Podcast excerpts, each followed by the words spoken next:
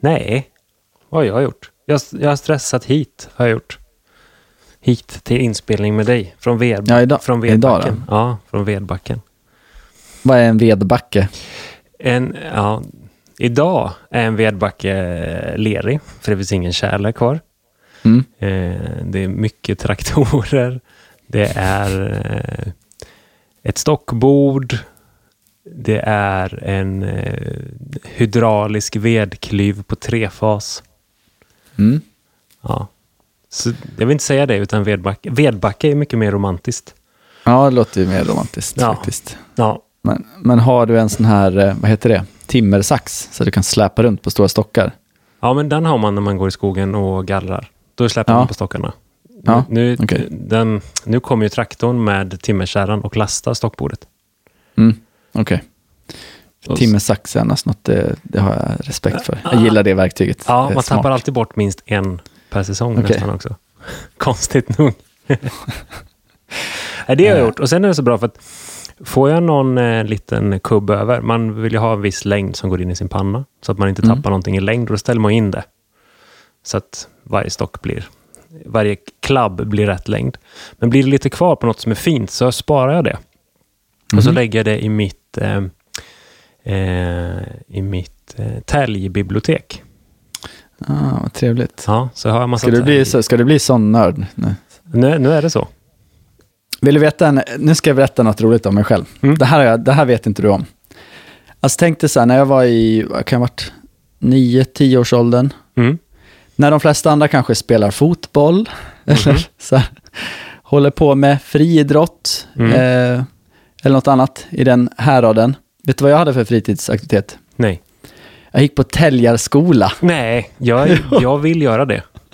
Jag gick varje, en gång per helg var det väl då, så träffades vi i en av kommunens lokaler, jättefint var det. Så Ja. fanns det täljhästar där inne, sådana här som man spänner fast sitt eh, täljträ i och så, och så täljer man. Eh, det var skitkul. Mm. Jag har kvar ett R sen dess också, det liksom känns bra på fingret så. Jag höll på att skala av halv, halva fingret. Ja. Um, skulle, jag kommer ihåg, jag skulle tälja ett hjul till en bil som jag hade Okej. gjort. Så, ehm, ja, kom, det var vassa verktyg. ja. Det är sjukt Men, trevligt eh, faktiskt. Det är, um, ja, det är inte dumt att tälja. När man får upp lite fart med så kan man göra en grej på en kväll. Okej, nu har vi ett nytt så, eh, avsnittsuppslag. Uh, intervjua någon som faktiskt Ja. kan det här. Och jag vet vem. Ja, perfekt. Vad har du gjort sen right. sist? Eh, idag har jag hållit ett webbinar Mm. om varför vi behöver träd i staden. Det var väldigt kul. Det är är alltid lika nervöst inför livepublik sådär. Och det är faktiskt lite skillnad att sitta vid en datorskärm. Det är lite konstigt. Man ser liksom inte de andra. Eh, men det är roligt. Men jag längtar tills man kan börja föreläsa på plats igen och se publiken och ha lite diskussioner. det är klart. Det. Eh, och sen överlag nu så lägger jag ganska mycket tid på inventera träd Mhm. för MKB i Malmö All right. runt och inventera deras trädbestånd. Eh, sjukt trevligt. Alltså, Men det fan här, vad jag längtat efter detta. vi måste göra ett avsnitt om det här. Det här måste vi göra ett avsnitt om. Eller en del av det. Jag kan ringa upp dig. När, när du går och... Ja, men jag har ju min handhållna. Ja. Jag kan ta med den ut kanske. Ja, så följer vi med Eh. på... Kan du köra tre träd eller någonting? Ja, kan, ja kanske. Ja.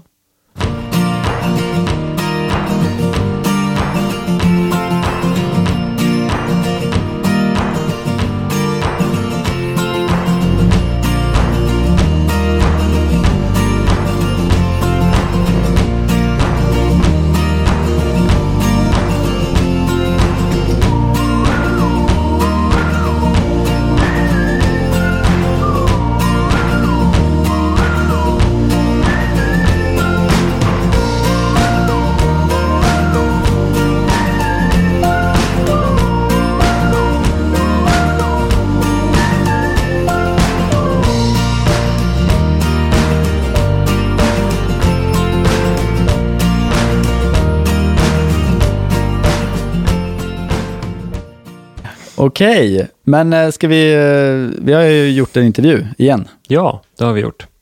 Det handlar inte ni- om inventering. Inte i den skalan i alla fall. Nej, nej.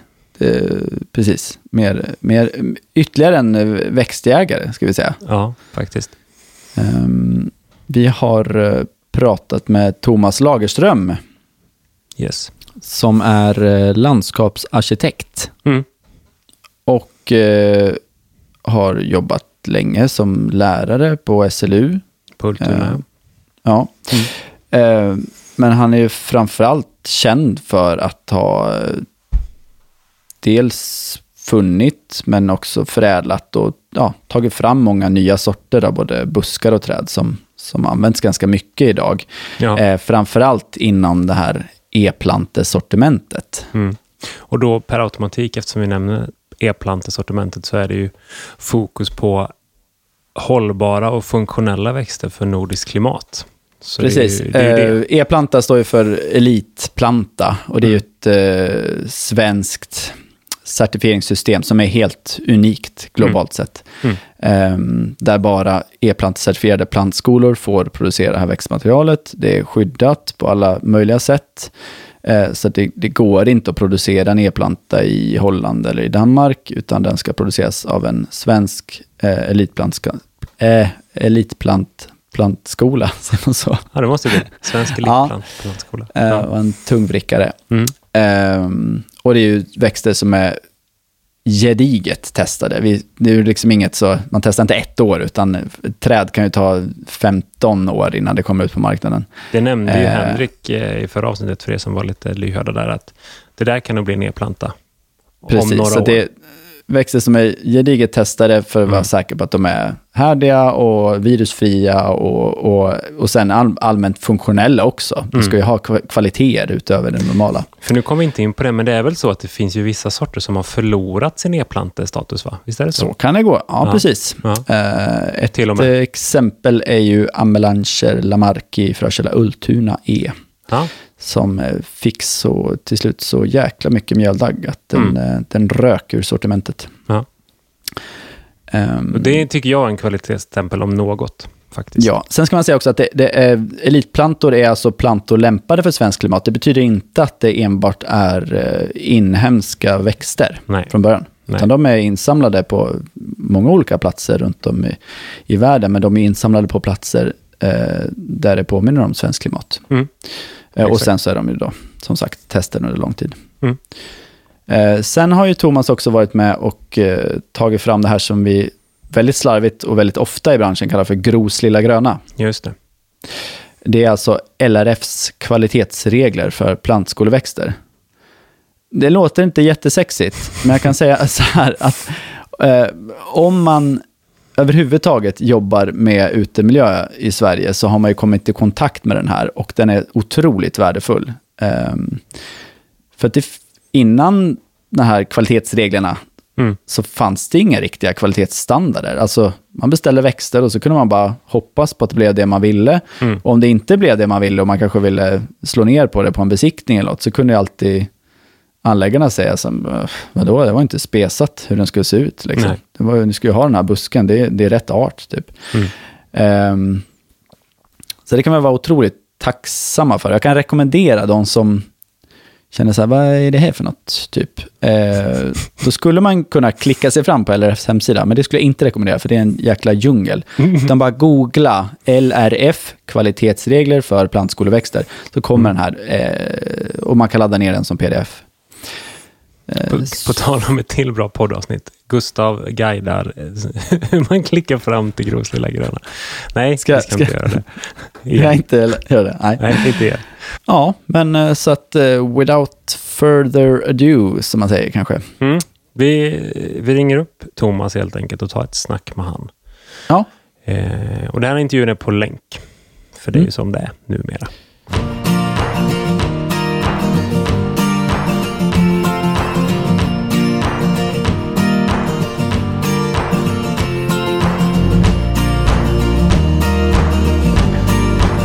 Jag hörde att du hade dialekten. Så. Ja, den, dialekten försvann när jag pluggade och sen flyttade jag hem och började jobba. Då kom den tillbaka igen. Det är så. Just det.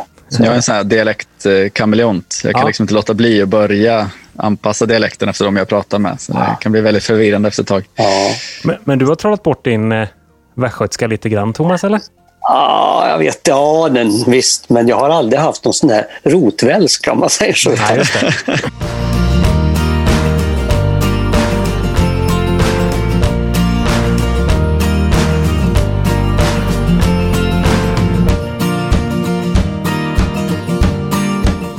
Då skulle jag vilja hälsa Thomas Lagerström välkommen till Trädpodden. Hej Thomas!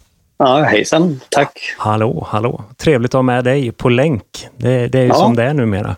Ja, Men- det är lite modernt och bra. Ja, Ja. ja, men vad ska man göra? Vi hade ju väldigt gärna fått komma upp och hem till dig och sett en imponerande anläggning som vi har läst ganska mycket om i bland annat Lustgården till exempel. Men det kanske vi kan få ta en annan gång. Det kan vi nog göra en annan gång. Helt fräckt börja intervjun med att bjuda in oss själva. Ja. Ja. Ja, men det hoppas vi på ändå, får man ju säga. ja. Eh, Thomas, vi går rakt på sak. Alltså, vi ser ju oss själva och kanske även dig som en växtnörd. Kan du bekräfta eller dementera det? Nej, ja, just det. Nej, växtnörd skulle jag inte vilja känneteckna mig som, men däremot en växtmänniska. En som arbetar med växter. Och jag ser ju växterna i funktionen och i estetiken, men inte... Eh, det, fin- det finns ju så otroligt mycket växter. Det är lite framsorterat det jag håller på med. Jag, jag vill att det ska vara bruksvaror, men det får också vara väldigt eleganta bruksvaror. Men man ska använda dem. Och det finns ju en riktig snårskog med växter. Jag menar, det, det intresserar mig väldigt lite egentligen. Utan de ska, de ska bjuda på något speciellt som gör att man finner användning för dem, tycker jag. Mm. Så att eh, jag nördar inte ner mig på någon släkt eller något sånt där. Eller försöker samla på mig hur mycket av den och hur mycket av den. Och, och går in i, ja, i de hybrids, hybridiseringarna som finns inom. För att det känns mer att man måste göra något nytt. Man kan inte acceptera det som är. Och då tycker jag att eh, good is good enough på något sätt. Just det, just det. Men om vi backar bandet lite. mm, Vad, vad har du för bakgrund? Hur kommer det sig att intresset för växter eh, blev så stort hos dig? Ja, det är en lång historia. Eh, Jag har är uppvuxen på Kina då och eh, vi hade en stor trädgård, en tjänsteträdgård först, men sedan så skaffade vi egen. Mm. Och eh, tidigt så blev jag väldigt intresserad av växter. Var nog fyra, fem år kanske. Sådde ärtor med min morfar vet jag. Och sen i och med att vi hade trädgård så kunde man ju hålla på där. Man fick hjälpa till och så då kom man in i det på ett naturligt sätt. Sen började vi faktiskt då gräva upp vilda växter och sätta in i trädgården och odla lite grann. Och då kanske jag fem, sex, sju någonting. Det fanns en grogrund där i Kina och så hade du, Ja, verkligen. som, som du säger, eh, kunniga och snälla människor runt omkring dig. Ja, ja visst. Plus att eh, jag hade föräldrar som var, som var intresserade, eller intresserade sig då och tyckte att det var en kul grej att hålla på med det. Och såg Mm. att, för jag var tidigt ute efter vad jag ville bli. Va? Då såg de, ja men det här leder ju till det, det verkar ju bra. Det Mm. tyckte de var kul. 1976 så får du möjlighet att göra ett, följa med på en ganska häftig resa till Sydkorea. Ja, det var väldigt eh, kul faktiskt. Jag blev tillfrågad om att... Vi skulle egentligen åka till Nordkorea först, men det, han som skulle leda expeditionen, han hade varit i Nordkorea en vända för att reka om det var möjligt och Mm. insåg att omöjligt. Så att då blev det Sydkorea istället. För, för finnarna hade det varit intressantare att få Nordkorea förstås, eftersom finnarna har ju ett tuffare klimat. Ja. Nordkorea passar dem bättre. Så det blev det Sydkorea och då fick jag åka med. Det var väldigt härligt att träffa de här eh, kända eh, vad heter det, arboretumföreståndarna i, i Norge och i Danmark och i Finland. Och Mm, mm. Peter Tigerstedt till exempel, jag vet inte om ni känner till honom. Nej, det Nej, han är Mustila. Ja. Arboretum. Och, Ja. och de här fin, finska rhododendronhybriderna, det är Peter Tigerstedt. Han är Okej. professor i genetik och för, växtförädling. Och så Tony Celius förstås. Ja. Så vi, vi kom väldigt bra överens. Så det var ju väldigt trevligt. Ja. Hur, hur, när, till att börja med, när på året eh, åkte Ja, vi, åkte, i- vi åkte i bör, bör, första dagarna i september Ja. och så kom vi hem ja, 8-10 dagar in i oktober. Ja. För då hade de bedömt att eh, i, i september, där, början av september, då kan man börja plocka frö i norra delen av Sydkorea, upp mot nordkoreanska gränsen. Demarkationslinjen där uppe. Där. Mm. Och, eh, 38 breddgraden. Men, och sedan så kunde man liksom följa successivt söderut, så när vi kom till södra delen och den här ön Jeju, då var det lagom att plocka där. Just det. Så att de hade verkligen planerat och det var elegant. Ja. Eh, Visste ni på förhand vad ni skulle leta efter? Liksom? Nej, det kan jag väl inte... Ja, det, det var säkert någon som hade funderat på vad de framförallt ville samla, men eh, det var ju, för de flesta var det väldigt mycket nytt. Ingen hade varit och samlat växter i Sydkorea sedan början av 1900-talet. Mm. Då, då Wilson var där. ja. Så att det, var, ju- det var ju lite något som förpliktigade på något sätt. Så vi gjorde faktiskt en... Ingen amerikan, ingen engelsman, någon hade varit där sedan alltså, början av 1900-talet. Så att det vi samlade var ju mycket, ja, kan säga, unikt material. Mm. Så det och, var det en... han, Förlåt, fortsätt. ja, och, och det Wilson samlade, menar, det var ju obekvämt och jobbigt och jäkligt, så då blev det ju inte så så att säga, genomarbetat som det vi kunde samla på med uppbackning av Skogsforskningsinstitutet i Seoul. Där, utan, eh, han, det var ju mödosamt att fixa det han gjorde. Men vi kunde alltså samla många populationer av material från norr till söder av samma art. Alltså vi faktiskt kunde ju också haft, om man hade velat jobba med det, så kunde man gjort genetiska studier nästan på det. Mm. Titta lite grann på eh, just typiska genetiska studier av växtrytm. Just det. Just. Växtrytm var det. Men eh, ja, det var väldigt intressant. Ja. Så det var, det var alltså en, eh, en grupp bestående av... eh, Ja, det, var nordisk, det var en nordisk samarbete, Nordisk arboretutvalg hette det på den tiden. Okej. Och senare har det kallats för Nordisk arboretkommitté. Mm. Nu är det mer ett nätverk tror jag. Ja. Men då hade vi pengar från Nordisk kulturfond. Gott om pengar, så att då skickades det iväg expeditioner till, till eh, eh, Nya Zeeland och eh, Tasmanien, till södra, eh, södra halvklotet, når ner till eh, heter det, eh, Elslandet och Patagonien. Mm. Och sen så var det Japan också. Mm. Och sen hade finnarna 1977 åkte de då till, till Amurområdet, fast det var en finsk-ryskt samarbete. Så finnarna betalade resan till finsk-ryska gränsen så tog- stod ryssarna för resten. Bra deal. Har du några mm, minnen från den resan? Jag tänker det måste ju ha varit... Jag tänker Ja, för många ja. studenter som går ut så måste det vara en riktig fullträff och en dröm att få komma iväg. Ja visst, jag var ju inte så gammal då så att, eh, det var ju mycket som etsade sig fast förstås. Så jag, jag, jag skulle nästan kunna repetera den där. Jag vet inte, ni hade ju läst eh, Föreningen Dendrologi och parkvård, Mm. Lustgården från eh, 2019 på hösten. Då är det ju liksom uppföljning utav och då har jag tagit upp gjort en del växtuppteckningar från för jag var den då som gjorde växtuppteckningar när vi stannade på ett ställe. Det här är insamlingslokal H.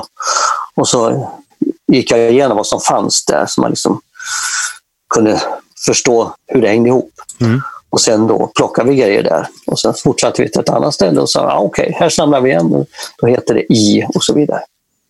Just det. Så det, och med det, om jag bläddrar i de här papperna och känner jag ju igen och får liksom bilder. Jag har bra bildminne. Mm. Och det, jag fotograferar mycket och då, det är också ett sätt att, att bevara info. Så där, så att, och det är kul. Ja. Och det är nu när klimatförändringarna har påverkat hur vi kan odla, då är det en del saker som man faktiskt skulle vilja odla utav det som jag inte kunde odla då. ja, just det. Ja, Men, men det var inget ni hade med er i åtanke då? Det var inte lika aktuellt Nej, kan jag nej. tänka mig. Utan, men men det var snarare, och, vad var liksom syftet? Var det, var det Ja, att nu kunna bredda utbudet? Eller vad? alltså det var nog lite olika beroende på vem man var. Och för min del så var det just, tycker jag, att bredda utbudet och se om det fanns någonting som man skulle kunna föra ut, trots att jag då inte hade börjat med, med eh, att leverera växter ut på något sätt. Och då tänkte jag att det skulle kunna, vara, kunna komplettera. Mm. Eh, och, eh, för jag tänkte också på det, att har ingen varit där så himla länge och dessutom de, han som var där, Wilson, har förmodligen lite mer lyckats hitta något någonstans.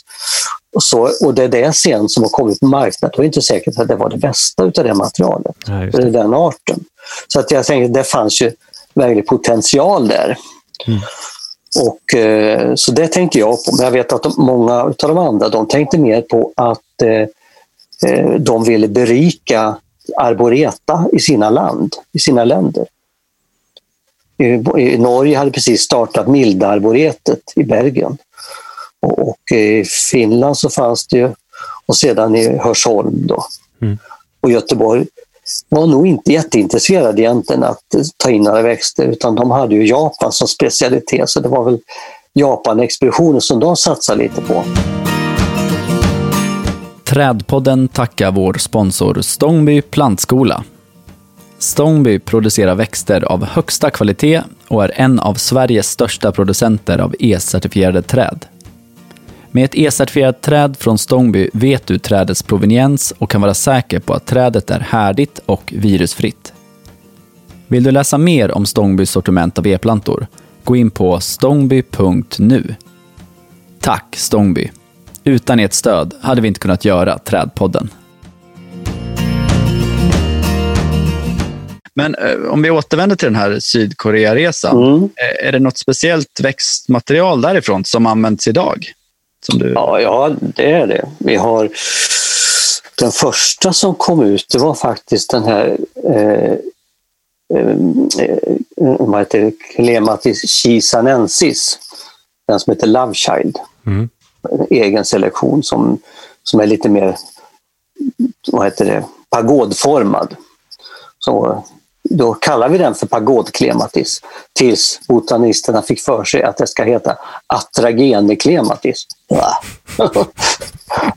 så I alla fall, så den, den, eh, den, tyck, den har alla uppskattat väldigt mycket och jag hade bra kontakt med Magnus Jonsson så han fa råkade faktiskt, ja, den fröhög som jag hade ordnat till åt honom, jag gjorde sån här pocket collection, plockade lite här, plockade där, men som kanske inte kom med i den officiella frölistan. Det var mycket nog ändå där. Mm. Då fick han den när han fyllde 70, så det var ju lite kul. Men det visste inte jag. Men, men det råkade hamna på hans bord när han fyllde 70. Den var han väldigt glad för. Jag vet inte om ni har, om ni har läst eh, Klematis-boken. Den tjocka 900 sidor tunga. Nej, det har vi inte. Så, Vi får skämmas. Ja, nej, vi är ju trädnördar Anton. Får vi ja, men det är någonting till- för, för jag menar, Klematis måste ju ha något att klättra i. Ja, så är det ju.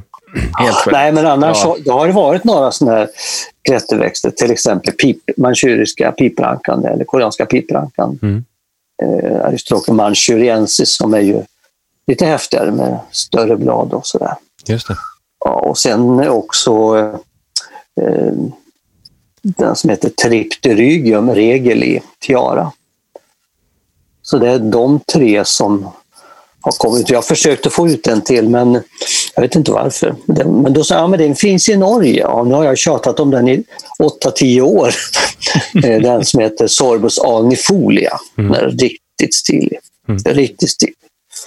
Den har alltså räkrosa frukter som sitter kvar fram till ungefär nu.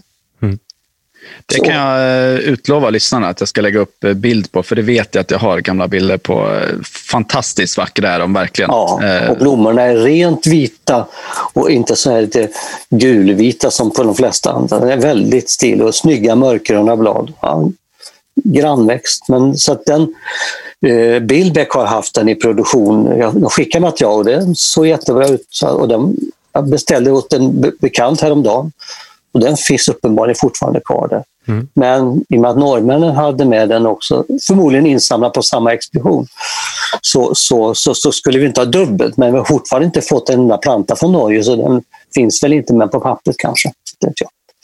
Nej, så det är väl... Sen har man ju funderat lite grann på om kanske Rhododendron slippenback eller Mukronulatum nanum kunde vara intressanta. Men plantskolebranschen är lite för tuff. I, de måste ju ha mer robusta mer robusta material än de där. Så det, det är nog mer för, för eh, de riktigt trädgårdsintresserade för minutmarknaden, men det, det är lite, de är lite svåra att, att hantera i processen. När allting växer snabbt och är färdiga på två år. Det är inte de och då blir inte det så intressant. Nej. Du nämnde det och Gustav har pratat om det med mig innan också. Eh, ordet rytm när du talar om härlighet. Ja. Det lät jätteintressant när Gustav bara förklarade ja. lite kort för mig. Det vill jag höra om. Ja, precis. Jag, jag jobbar ju då på... Eh, vi fick, jag fick alltså inte forska på sånt här på Ultuna eh, när jag var på Institut för landskapsplanering. Utan nej, all forskning skulle ske på Alnarp, så då var det inte aktuellt. Det får ni inte klippa bort. Vi lovar, det blir kvar. Ja, precis. Utan då vände jag mig istället till Institution för skogsgenetik som var liksom ja, nästan världsledande när det skogsgenetiska frågor. Och, eh, fast även om de hade sina träslag där begränsat, men de hade, de hade liksom sättet att tänka på som var intressant. Och, och då var en väldigt viktig sak just att titta på växtrytm. För det var den som styrde och ställde. Vi, vi pratar ibland hur är det en växt och säger och den här tål mycket kyla. Men det är inte så intressant egentligen. Utan det intressanta är hur har den haft under säsongen? När startar den på våren? När slutar den på hösten? Och har den då hunnit få med sig tillräckligt mycket inför vintern? För när det är som kallast ute, ja då är de som härdigast. Mm. Och de, när man säger då att ja, den här är så här härdig, den har, den har stått ut med 40 minusgrader i USA. Ja, ja, i USA, där det är 40 grader plus på sommaren, då blir de bakade och liksom förberedda på, ett helt annat, på en helt annan typ av vävnader. Mm. Och, och det, då tål man väldigt mycket mer. Så att eh, den här växtrytmen är alltså väldigt viktig och den är ju någonting som följer med växten hela tiden.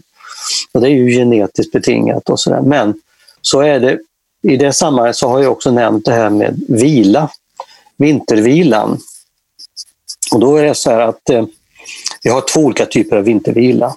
Den ena är den här påtvingade vintervilan. Det, och det är växter då som kommer från riktigt kalla områden. De är ju vana, som Sibirien, så här. de är ju vana vid att det är iskallt på vintern och på sommaren är det smällvarmt. Och så finns det ingen vår och det finns ingen höst. Utan det är liksom, de är väldigt styrda av ljus och, och värme. Så, här, så att när det blir vår så går de igång oavsett hur, eh, vad, heter, vad som händer nästa vecka. Mm. De, de, är, de är väldigt labila i knopparna. Så de är lättstörda under våren. Medan däremot då en växt som kommer från ett mer oceaniskt område, de vet att en, endera dagen så blåser vinden från väster eh, och ifrån havet och då är det mycket mildare. Och andra veckan så blåser det istället ifrån från, eh, från fastlandet och kallare vindar. Och då gäller det att hålla sig iskall där och ligga lågt. Och där har man då något som heter äkta vila och den är kemiskt bunden. Så för att bryta ner den så pratar man då om en viss värmesumma för att bryta ner den. Och den varierar då för olika växter. Men eh, det är då ackumulerad värmesumma och då brukar man mäta eh, antal eh, degrees day, säger man. Och det är alltså dagar över 5 graders medelvärde, 5 plus. Men jag har någonstans sett 6 också. Så att, men det, det handlar alltså om att få en viss värme med sig i bagaget. Sen vet man, då är det läge. Och mm. de bryter som regel senare då på säsongen. Men så finns det bland materialen, eh, och det är ett ganska intressant fall här i sammanhanget, och det är ullungrönn. Det är ju samlat på samma ställe. Och eh, tidigt så frågade Tony Celius då, för tanken var nämligen att jag skulle hängt med honom dit. Men sen så var det svårt att ko eh, kombinera när vi väl var där i Sydkorea och han var i Japan. Så då åkte han dit själv och jag höll på med Shedjo istället. Och så frågade jag honom sen vid tillfälle, du, har du jag skulle gärna vilja ha en ullungrön, har du någon? Ja, ja, ja. Så fick jag fröplanta av honom och ställde hemma. Och första vintern så plockar ju haren den, så det blir en tvåstam istället. Så det är många som har upplevt, upplevt det. Men sen så har jag då fått andra material av honom som jag har ympat in i en backe hemma. Och dessutom så, så vid ett tillfälle så passade jag på att ympa på dodong på en vanlig rönn i backen. Som står inte mer än 5-6 meter ifrån den här. Den som numera heter Legend. Då. Mm. Och då noterade jag att dodong gick igång väldigt mycket tidigare. Så den startade alltså 10 till 14 dagar före på våren. Och redan de första åren så fick den här dodong frostskador på våren. Och när man får frostskador på våren, då, då, då, kan det vara så här att knoppen går och så bryter den ungefär som man klippt av med en sekatör. Och då grenar den ut och blir väldigt buskig istället. Mm. Medan däremot den här andra, i och med att den bryter mycket senare, då har den ju så många dagar färre risker att råka ut för samma sak. Mm. Och Det är så man har jobbat i skogsträförädlingen också, att få de som eh, bryter senare bara för att då slippa de här eh, vad heter, vårfrosterna. Men att de ändå gör jobbet under sommaren. Så att de blir någonting, så att det inte blir dvärgar på grund av att de bryter sent. Och, eh, och sen har jag då lämnat material till, till Billbeck för att föröka upp och jämföra. Då. Och då hade han den goda smaken att ställa dodongplanter intill det som senare blev legend. Jag har sett bilderna kanske på det. Ja. Och då sen, sen eh, så en gång jag kom ner så bad jag få titta på dem där. Och så när jag kom dit bort och så, såg jag det här och sa, men det har ingen berättat för mig. Så, men här ser jag direkt att de har en helt annan kronbyggnad, de här som heter Legend. Mm. De har ju en genomgående topp på ett helt annat sätt än vad Dodong har. För jag hade nämligen sett Dodong tidigare på ett trädseminarium i Göteborg som Movium hade ordnat, som jag var med på. Och där har vi varit på Masthuggstorget och där stod konstiga kandelabrar. De var som helt... Eh, det var, jag har aldrig sett träd se ut på det sättet tidigare. Jätteförvånad. Man kan, man kan se det nere i Italien där de klipper träd och får upp såna här kandelabrar. Mm. Men på Rönn har jag aldrig sett det förut. Och den där tänker jag, den måste ju vara jättesvår att hantera i en anläggning. Och sen har plantskolorna blivit väldigt intresserad av den här och tyckte att den var ju jättebra. Och då ville jag döpa den till Tor, Tor Genicelius, men då ansågs det namnet vara upptaget. Så då, okay, då tycker jag att legend passar bra istället. Så för mig är han en legend där. Det, det, har vi, ja, jag tror vi har pratat om det tidigare i podden, just att eh, av de här ullungrönnorna så är ju legenden den, den nyare och eh, kanske den många skulle vilja föredra. Men om vi återvänder till det här mm. med, med vintervila ja. eh, och, och rytm. Jag tycker det är så intressant och jag, jag tror att eh, vissa av lyssnarna som hör det här, att, för det är i alla fall för mig första gången jag hörde. Dig förklara det synsättet. Mm. Det vänder lite upp och ner på ens världsbild på något sätt. Så jag tror vi ska tillåta oss utforska det lite mer i, mm. i om du vill ge något exempel på arter. Ja, jag vet att en, en art som du, har pratat om, ja, som du har pratat om tidigare är ju ligustersyrenen till exempel. Mm. Uh, mm, precis, den, den, den, eh, kan vi ta också. eh, Ligustersyrenen, den, jag skrev om den en gång och då skrev eh, vad heter, oförtjänt ovanliga buskträd och mindre träd. skrev jag. Och där hade jag plockat med den där. Och så fick jag ganska snabbt en liten syrlig kommentar från en journalist som skrev att det, i England tycker de inte det är något att ha. Nej, nej, skrev jag. England är ju inget klimat som passar en sån växt som är härdig uppe i zon 7. Mm. För då går den igång för tidigt. Så då läste jag beskrivningen om den i någon engelsk bok. Då stod det att den blev ett par, två, tre meter hög. Men eh, jag har ju sett tio meter höga. Och träd tjocka som ja, 30-40 centimeter i diameter. Så vill man se en riktigt häftig grupp utav, utav eh, så ska man titta på Enskedetypen. Det finns ett, ett litet torg i gamla Enskede där står en, en grupp om fyra, fem träd och de är 8 till 10 meter höga. var de för 7-8 år sedan. Så hade de säkert närmat sig 10 nu. Då. Och riktigt häftigt. Men jag har aldrig lyckats vara där mitt i blomningen. Det skulle vara ganska skönt.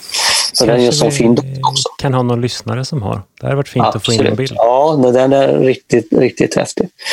Men i alla fall, den vi, där la man upp en liten fröplantage på Alnarp. Och så när jag kom ner då och vi, vi gick runt och tittade, liksom, oj då, sa jag. Det var inget bra. För då hade jag nämligen sett det här i Finland, på den nya botaniska trädgården där. Så hade jag sett att, eh, och det där som min fru sa, att det där är ju en vårfrostskada inne i knoppen. Mm. Då kan inte bladet eller växten bilda klorofyll. Så en störning i klorofyllbildningen. Och då ser det ut som det var virus. Det såg inget kul ut. Och det sitter kvar då tills de nya bladen sen kommer fram och det kan dröja en månad eller så. Det såg riktigt dassigt ut. Mm. Och då tänkte jag, okej, okay, det var Enskedetypen, den är riktigt härdiga. Men Koreamaterialet, det kommer ju längre söderifrån.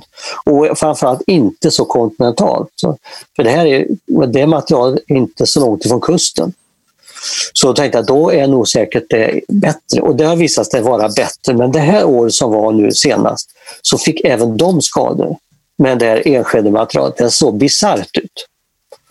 Det var alltså rosa och gulvitt på de här första bladen och de såg ut som de var sprutade med Roundup. Ja, det, det, var, ja, det såg för jävligt ut. Sen, som bladen som kom fram i mitten av juni, då började normala gröna blad komma fram igen. Men då satt det fortfarande det här eländet kvar. Så det var en klar störning utav det, att de bryter för tidigt. Och, och eh, så att, och då, är, då är den, eh, eh, kommer den då till exempel till eh, i Norrland så hålls det tillbaka av kylan. Och sen när väl kylan släpper, då är det inga problem. Men här nere där man inte vet om det är vår eller vinter eller vad det är för någonting, då, kan, då räcker det med lite värme så startar de här nordliga typen eller kontinentala typen då, som vi har i det här fallet representerad av Frökälla Enskede. Mm. För om man skulle kort förklara för våra lyssnare ytterligare. Ehm, så det här är väl ett sätt, om jag tolkar det om jag förstått det rätt Thomas. Du beskriver eh, en typ av överhärdighet egentligen. Ja, kan man säga. Ja. Och, men det har att göra med ursprunget. Var kommer ja, de ifrån? Precis.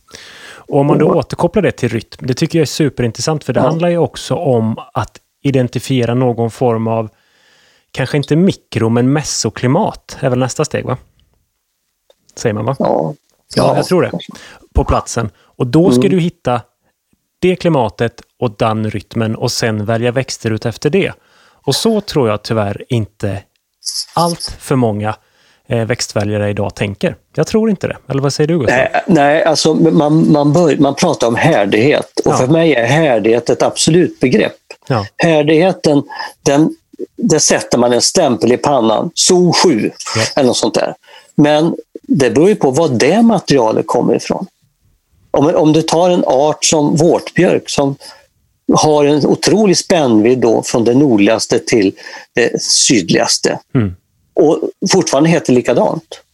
Och så plocka då ett, ett material söderifrån, importerat ospesat.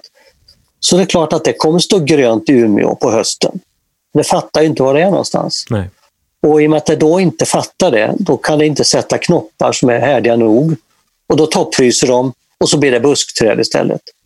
Det har ni kanske sett någon artikel jag skrivit om. Och det, det är ett bra exempel på att eh, arten är inget bra begrepp, utan det är det materialet man förökar av. Och det är alltså det endera klon eller frökälla. Så när vi säger frökälla på hassel till exempel, som ändå inte är något träd, men i alla fall. Så eh, frökälla på hassel har vi Garpenberg och då är det bland de nordligaste vildbestånden Garpenberg då, i södra Dalarna.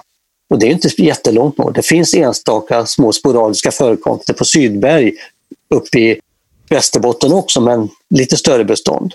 Medan däremot det vi använder idag kommer då från, från Öglunda i, i, i Västergötland, i mm. Skaraborgsområdet. Mm. Och, och de har olika beteende, det kan jag se direkt. Alltså. Och de är, det är för att de är vana vid ett visst klimat och det sitter kvar. De växter däremot som reagerar, som flyttar man på dem så, så, så har de inte kvar så mycket av det andra. Så det, det, är väldigt viktigt att se vilka effekter ligger kvar. Mm. Jag gjorde ett försök en gång, var lite intressant, med ask. För någon hade gnällt lite grann över askarna från Ulltunan och sa att ja, de kommer så långt norrifrån, då blir de, växer de inte så mycket. Nähä. Så med ett, ett års fröplantor, ja, det var 5 till 8 centimeter för ett års fröplantor. Feta med riktiga rötter under. Mm. Riktiga torvor. Men de var futtiga ovan mark. Och sen hade jag då tagit in ett sydnorskt, samma breddgrad som, som Uppsala. I, ja, jag kommer inte ihåg vilket ställe det var. Kristians, ja, skitsamma. Men i alla fall, Stavanger var det. Stavanger. Och sedan hade jag tagit ett från Ungern, från latitud 42. I den lilla provodling jag hade då, där växte det ungerska materialet likadant som det sydnorska. Så då kan man säga, nej men ljuset, det var inte det som styrde. Det styrde asken från Uppland, men inte asken ifrån, från eh, Stavanger. Och för då är det så här att eh, det ungerska materialet, det fick inte tillräckligt varm sommar. Och det var, det var alltså varken kvantitet eller kvalitet. Det norska materialet fick, eh, den fick, det fick ju kvalitet, men det fick inte någon, den här kvantiteten. För den är ju van med att, i och med att Golfströmmen slickar kusten, så är det ju aldrig riktigt kallt där vid Stavanger. Utan den kan ju stå där, det händer ju ingenting. De växterna som finns där, de sorteras ju inte efter de så att säga, härdigaste, men de är klimatanpassade till det området. Men flyttar man dem till motsvarande breddgrad här, då funkar de inte. Nej. Så de frös ju tillbaka, båda två, precis på samma sätt och blev buskiga eländen. Jättetråkiga saker. Mm. Medan däremot Uppsala andra år så, så drog det iväg och sen har det blivit stora maffiaträd. Har det blivit. Så att det var aldrig något problem. Men det var man, får, man måste se lite hur de beter sig. Och det, att vara liten i början det betyder inte så mycket. Men det viktiga var att man är härdig och har en bra knopp. Trädpodden tackar vår sponsor Mareld Landskapsarkitekter. Nordens främsta landskapsarkitektkontor och förstahandsval för kunder med högsta ambition vad gäller gestaltad livsmiljö. Är du nyfiken på Marelds många olika tjänster och projekt? Gå in på www.mareldlandskap.se. Tack Mareld Landskapsarkitekter utan ert stöd hade vi inte kunnat göra Trädpodden. vi har kommit in på det lite grann, eh, mm. den delen och det du har redan egentligen gått oss lite i förväg här, men eh, din oerhörda kunskap inom just växtförädling och ta fram någonting som just branschen är i behov av. Du var ju med nästintill sedan starten av e-plantsystemet. Skulle du kort och koncist kunna sammanfatta vad, vad innebär om en e-planta en e-planta eller inte? För våra lyssnare? Ja, jag kan säga så här då att eh, eh, det, det, viktiga var att, eh, att leta fram vilka var problemväxterna. Mm. Vilka växter hade vi problem med? Så det var behovsanpassat. Och då sa, jag sa tidigt då att jag, jag jobbar gärna med frömaterialen. Det passar också bra med genetiken. Och Rune, det var Rune och jag egentligen som höll på med det här. Och Rune sa då, för han höll ju P80, att ah, han var väldigt glad för att hålla på med klonerna. Och för mig kändes det inte lika viktigt, för jag tänkte också på det med naturen. Och eh, ute i landskapet, naturlika plantering, det var ju fruktansvärt mycket skit som kom ut där. Det var ju det var, ja, det var alltså bedrövligt. Eh, jag vet inte om ni eh, har ni varit ute i sådana här, men på 80-talet så satte Stefan Mattsson i Enköping. Han kom då till Enköping 1980 eller 81. Började med eh, att plöja upp en yta och folk blev tokiga på honom. För att de, det har vi aldrig gjort förut. Nej. Men sen märkte de efter vad bra det blev. Men i alla fall, i den där planteringen där, där satte han då ut lönn, lind eh, och hassel bland annat. Och där såg man med en gång att asslarna frös, lönnarna frös och det är de vanliga, och ask fanns också med. Alla de tre arterna är de vanligaste lövträden runt omkring Enköping. Mm. Och så mm. köper man in grejer som fryser. Då kan man undra, vad är det här för något? Så här kan vi inte ha det. Och, så, jag vill bara pausera lite. Så han gjorde det för att få ett referensmaterial egentligen på vad det som branschen hade att erhålla, hur det funkade i Nej? Eller hur, nej, hur tänkte nej men det blev, det blev för mig ett referensmaterial. Ja, okej. Men han, Ja. han såg det inte så, utan han ville ju skapa vindskydds och nat naturlika skogar runt Enköping för folk att gå i. Ja, okej. Så, så, att, så att e-plantsystemet kom till, om jag försöker sammanfatta det Thomas, utifrån Ja. att det fanns ett behov att ha bättre kvaliteter på det som fanns på marknaden. Det, fanns, Ja, ja, det var, ja, det var så ja. oerhört dåligt. Ja, jag drev det i alla fall. Det, det var min tanke. Ja. Och sen, sen så... För, alla växter är ju inte... Jag, jag menar på sen att när man stoppar in en växt i systemet så ska den försvara sin plats. Mm. Den ska tillföra någonting som egentligen vi inte har haft tidigare eller också ska det vara så mycket nytt intressant i det här. Så den, för man kan inte lägga på hur mycket som helst i ett sortiment. För då va- vadar man till slut så är det ingen som kan hålla ordning på det där. Nej, just det. Så det, då är vi tillbaka till den röran som var på 70-talet. Ja. Då, Koppla, finns, det, finns det en koppling till att man importerade väldigt mycket material då? Ja, ja, absolut. Det Ja. var ju Ungern, hela, hela Östeuropa, de sålde ju för en spottstyver så kunde man sälja det ganska dyrt. För där skickade man ut soldaterna på fälten och så fick man in västvaluta för det var hårdvaluta. Så att, men det gick inte att konkurrera på det, Nej. med det. Nej. Så då hade man ena benet i Ungern och ena benet i Sverige. Så det, ja. Nej, det, var, det, var, det var riktigt eländigt. Jag har haft besiktningar som jag dömt ut i princip rubbet på Ja. när det har varit så. För jag började tidigt med besiktningsverksamhet. Mm. Och, och, men 1979 då skrev jag en artikel i Utemiljö, mittuppslaget. Det stod det så här. Skärpning projektörer, anläggare och plantskolister. Utropstecken. Då blir man populär. Ja, det fortsätter vara bråkig helt enkelt.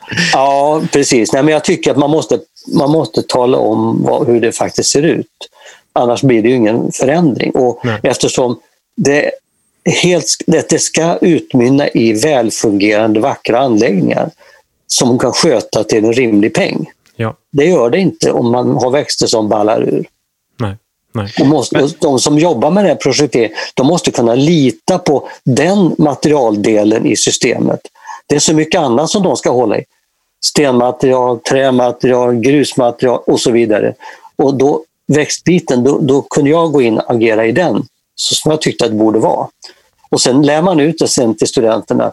Skriv så här. Och sen har jag då pratat på ett otal kurser om råd och anvisningar och, och eh, markama och sånt där, just när det gäller växtspecifikationer och sånt där.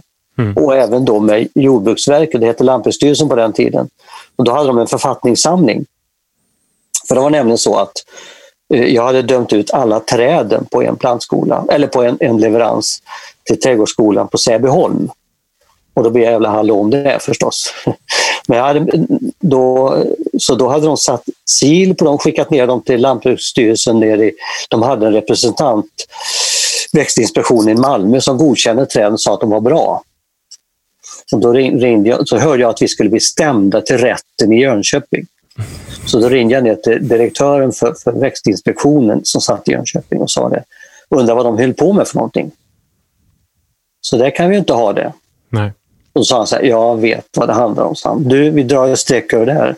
Och så vill jag att du kommer ner och så har du med dig ett förslag om hur vi ska sortera och kvalitetsmärka träd. Vad ska eh, ett alléträd, hur ska det vara spesat?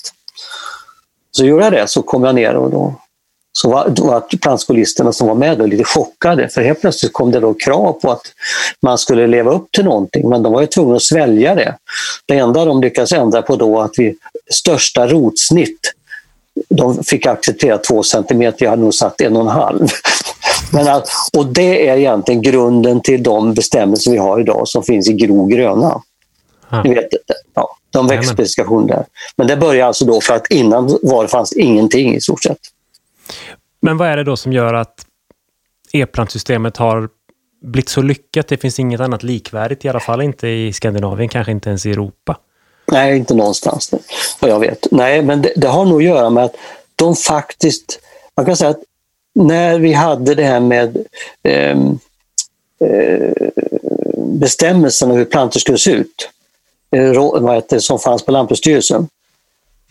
När först, de reagerade negativt för det var en statlig påverkan. Så staten bestämde, det var inget bra. Och sedan så, eh, när de gick med i EU, eller vi gick med i EU, Mm. då fick man inte ha det. Nej. Men då hade plantskolan fattat att ja, men, projektörerna tyckte det var skitbra och besiktningsmän likadant. Helt plötsligt har vi någon gemensam standard. Så då valde man att ha en egen standard istället.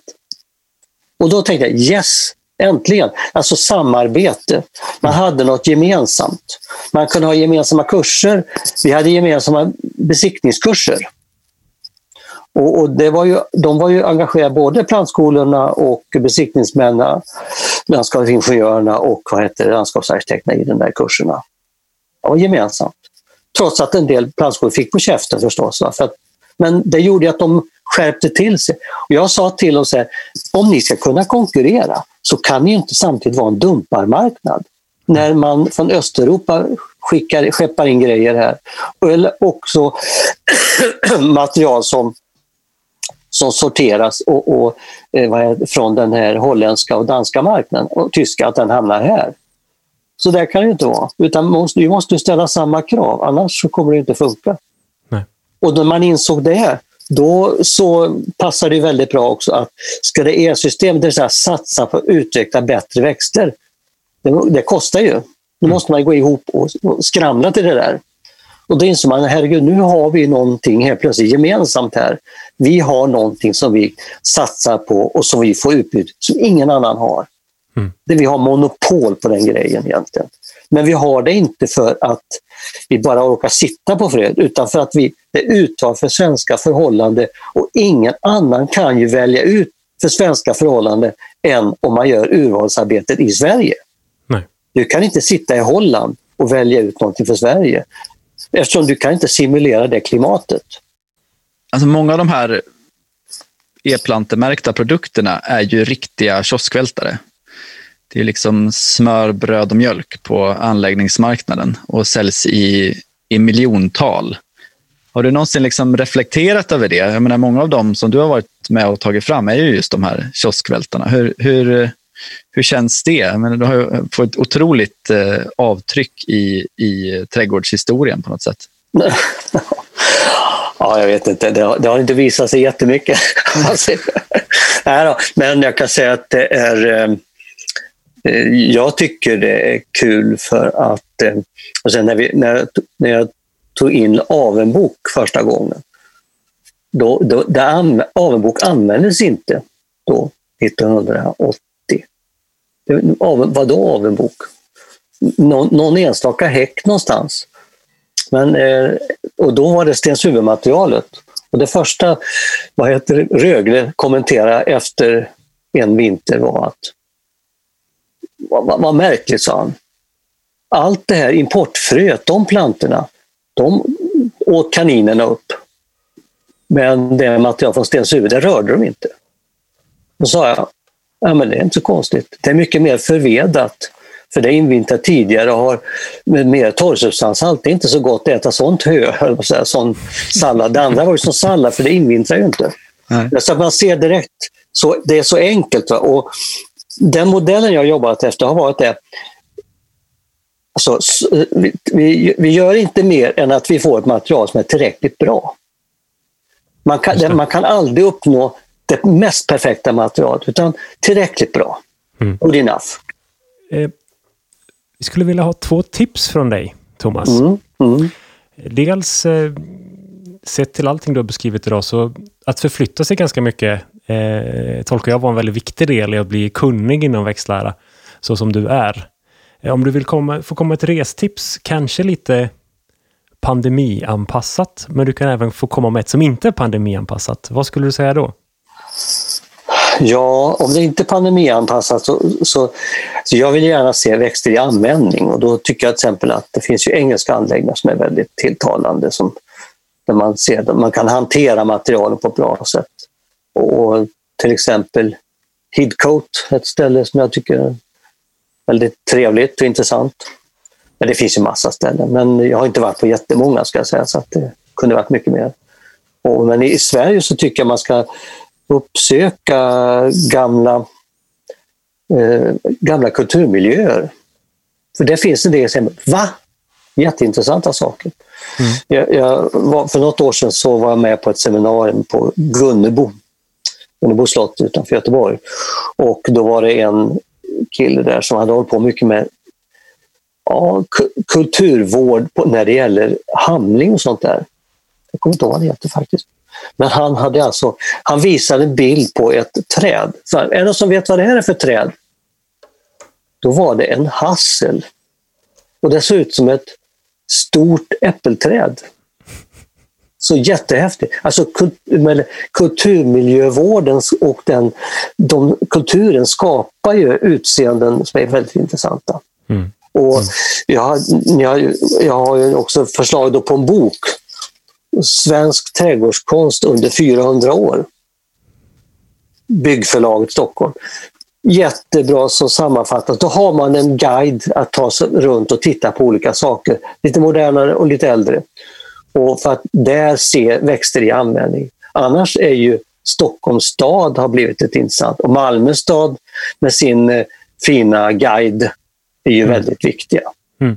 Och ger, ger mycket. Jag har inte sett om det, det kanske finns en modern guide i Stockholm, jag är inte säker på det.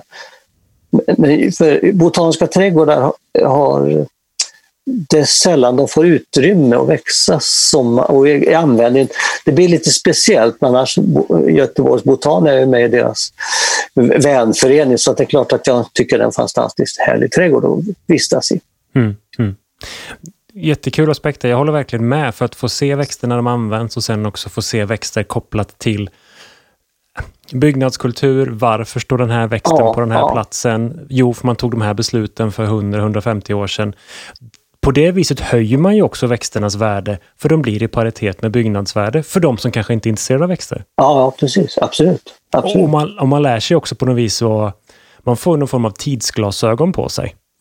Ja, det, det är häftigt. Jag, eh, I den här lönnfaktabladet där så visar ibland en bild på en lönn som är över 300 år. Ett praktträd från mm. Ekolsunds slott. Men det står inte i själva slottsnärheten utan en bra bit ut där det fanns en kanal en gång i tiden.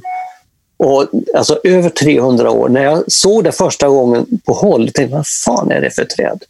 Och så gick jag närmare, så den där barken känner jag inte igen. Då är det efter en viss ålder så byter en ny, en ny barkkaraktär som man blir helt ställd inför. Då får man gå ytterligare några meter till och se, så man kan se knopparna. Så, ah, är det en lögn? ah, men det, det, jag tycker det är jättekul att se. Jag har jobbat mycket med kulturmiljö, växthantering i kulturmiljö under, mm. under åren och det tycker jag är himla kul. Ja. Fantastiskt Thomas, tack så jättemycket. Det känns ja. nästan, eh, Gustav, som att vi skulle behöva två intervjuer till med dig. Vi har så oerhört mycket att prata om. Ja, jag Men, tycker vi har bara varit och krafsat på ytan. Vi får nog återvända någon gång här ja, så småningom. Eh, Kanske då till den här självinbjudna synen i din trädgård, ja. Thomas. Nej, men, men fantastiskt. Tack så jättemycket. Kul. Ja, det var så bra. Otroligt roligt. Tack så mycket. Tack. Tack, tack så själva. Hej då. Hej. Trädpodden tackar vår sponsor Bara Mineraler. Ett företag som står med båda fötterna på jorden i både tanke och handling. Bara Mineraler utvecklar produkter som är sprungna ur mark och mylla för att skapa levande och jordnära stadsrum.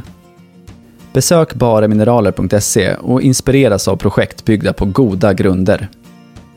Tack Bara Mineraler! Utan ert stöd hade vi inte kunnat göra Trädpodden.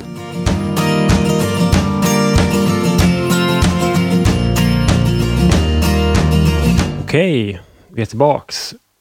Vi tackar Thomas så jättemycket för en trevlig pratstund. Um, ja, verkligen. Stort tack. Ja, verkligen. Och inför den intervjun, eller egentligen, det var redan för ett år sedan, när vi diskuterade att vi måste snacka lite med Thomas vid något tillfälle, så läste jag eh, i föreningen Dendrologi och parkvårds eh, årstidskrift, eh, dessutom på när föreningen fyllde 100 år, år 2020. Den heter All Luftgården, right. den här eh, boken. För det är faktiskt en bok från förra året. Då. Mm. Så hade han skrivit en, en, en, jättebra text om sin egen trädgård. Ja. För som jag försökte göra då två gånger under intervjun, jag fick ju sådär gott med napp, men jag ger mig inte. Jag ska försöka en tredje gång. Försökte jag bjuda in oss dit, Gustav, för att det var mm. väldigt kul att få se den anläggningen. Eh, som han tillsammans med sin fru Maj-Lis Pettersson har skapat under ja, vad är det, snart 40 års tid. Eh, med mycket referensmaterial och originalväxter eh, till det som finns i handeln idag. Det vore väldigt kul att se det. Ja, verkligen. Precis, vi kan också passa på att säga det. Om man känner igen namnet Maj-Lis Pettersson så är det ju förmodligen från odlarna, eh, Odla i P1, där hon har varit ett stående inslag under många, många år. Och eh, hon är en av Sveriges främsta eh, växtskyddsexperter, alltså Mm. bra på eh, växtsjukdomar och, och eh, skadegörare. Mm. Precis. Så att, eh, kommer ni över den här boken, jag tror den finns i pdf också, Lustgården 100 år 2020. Det, förutom Thomas så finns det mycket andra bra texter där med, så det är också ett tips. Eh, väldigt trevlig bok och eh, bläddra igenom och få inspiration om. Eh, och de han tipsen han ger också. Jag tänker, det är fortfarande så att de tipsen kan ju faktiskt träffa dig och mig också Gustav. Vi är ju ändå förhållandevis unga och växtintresserade. Mm. Se till att prova eh, och plantera och, och bygga upp de växtbestånden som du faktiskt läser om. För nu finns det ju fortfarande så att säga syfte att göra det för att kunna uppleva dem under sin livstid. Ja, verkligen. Ja, men det är väl ett eh, superbra tips. Ja, Um, verkligen. om, jag, om jag ändå hade några hektar. Ja, men vadå? Hans trädgård är 7000 kvadrat. Eh, Min trädgård är 3 och 3, så det är, vadå, det är bara att köra på. Ja, jag har väl 300 då. Men eh, sen har jag massa mark Ja, runt om. hallå, som, du, du är faktiskt så, du har ju gått in och annekterat och tagit på dig någon form av eh, parkbyggherres roll i din eh, bostadsrättsförening eller din förening. Samfällighet, ja precis. Samfällighet, ja Mm. precis. Tack. Så jag har det är fria händer här. Det är ja, bara- det. Gerillaplantering för fullt. Ja, ja, verkligen. Ja, nej men eh, ett spännande, en spännande karriär som vi försökte summera där lite kort eh, på 35 minuter. Mm. Eh, jag tycker också det är... Nej, men det, det vi avslutar med, det här kulturtipset, jag kan liksom inte riktigt släppa det. Mm. För jag delar verkligen Thomas syn där. Just det där hur vi, eh, hur, hur, man kan läsa en plats eh, Mm. utifrån kulturvärlden. Då inte bara växter utan även vilka, vilka byggnader som stod var och så vidare. Det, det blir väldigt spännande, men då blir växtkunskapen en typ av nyckel till det. Ja, verkligen. Ehm, Det tycker jag är häftigt och som jag tror jag nämnt det förut någon gång, men jag har haft eh, två vandringar med, med Borås eh, stadsantikvarie och så har vi kört dem ihop, de vandringarna. Och så har vi gått Mm. och pratat om olika stadsdelar under olika epoker, olika tidstyper, trädgårdsstaden. Eh, vi har snuddat vid miljonprogrammet. Vi har pratat om, vi har egentligen två olika typer av trädgårdsstäder i Borås som man kan tala om och vurmen för parker och eh, vilken arkitektur som kan kopplas till det. Ehm, det. Det är ett väldigt roligt koncept för då kan man också förklara hela stadsbilden på ett helt annat sätt.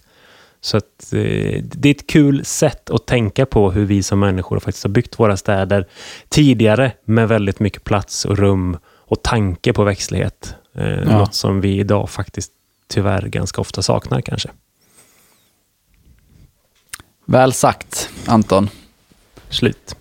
Ja, men mycket bra talat. Du, eh, innan vi helt avrundar avsnittet och avslutar så har jag lovat en liten efterlysning i det här Mhm. programmet. Mm. Ehm, det finns en hemsida, en väldigt unik hemsida skulle jag vilja säga, som heter Mm. onetree.se. Och det är alltså en etta och sen tree.se. Mhm. Eh, tyvärr så funkar den inte i Chrome-webbläsaren, i alla fall inte hemma hos mig, men i Okej. Safari funkar den utmärkt, så kanske även då Internet Explorer till exempel. Nåväl, eh, den här hemsidan drivs av en herre som heter Lennart. Och han har då tagit på sig att kartlägga alla träd som kung Karl den 16 Gustav har planterat runt om i Sverige. Underbart. Ja, det är ju liksom, om man tänker efter så är det ju väldigt många invigningar och ceremonier som liksom inleds med att kungen ska plantera ett träd. Det, Eh. det, jag vill bara lägga till en sak, Gustav. Det här är bra. Antingen så pratar vi kunglighet eller så pratar vi jakt i varje avsnitt från och med nu. Varsågod och fortsätt. Ja. Snart, snart blir jag anklagad för att vara. Tror jag. Nåväl. ehm, så Lennart har tagit på sig den här jätteuppgiften. Det är alltså det är inte så lätt, för att inte ens hovet har någon förteckning över de här träden, utan det, Ah. det är rent detektivarbete. Okej. Och Lennart har fastnat. Nej. Jo. Eh, 1983, Ja. under eh, Elmia Wood, Just hette det då. Ja. en, en stor mässa i Jönköping, Jag tror faktiskt det heter Elmia Wood fortfarande. säkerligen. Mm. Då planterades det ganska många träd, men ett av de här träden så planterade kungen. Och ingen vet, ingen kan hjälpa Lennart med vilket träd det var. Men det, men det, att- var inte ett, det var inte en gran i ett granbestånd hoppas jag. Nej, men nej, jag kan inte hela historien. Men Nej. eh, Nej, förlåt. om någon lyssnare, Ja.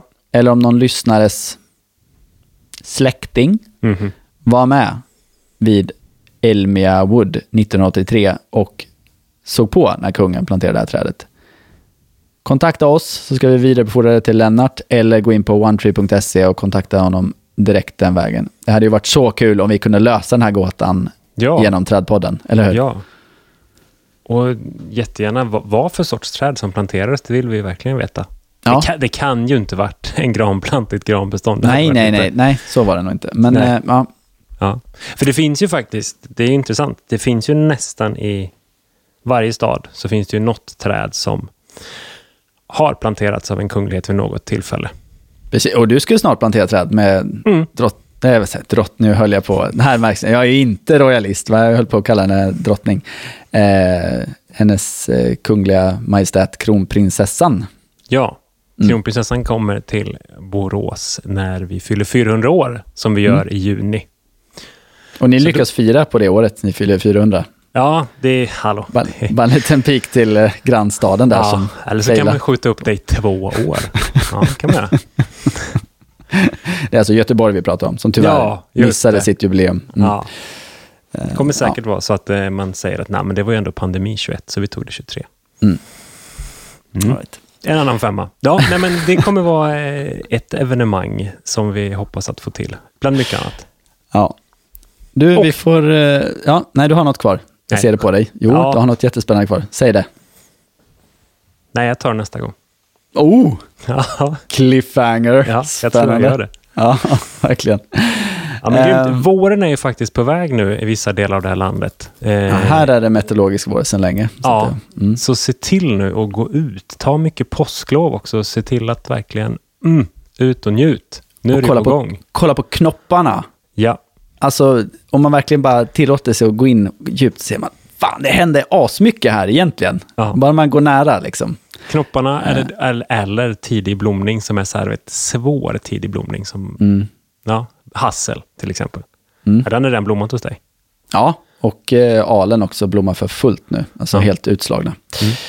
Eh, Mm, Mm. så är det. Ut och njut och lyssna på Trädpodden och hjälp oss att sprida vårt budskap om att Trädpodden finns. Ja, det finns verkligen. också sociala medier under Tradpodden och på tradpodden.gmail.com om ni vill komma i kontakt med oss så är vi ganska bra på att svara i hyfsad tid.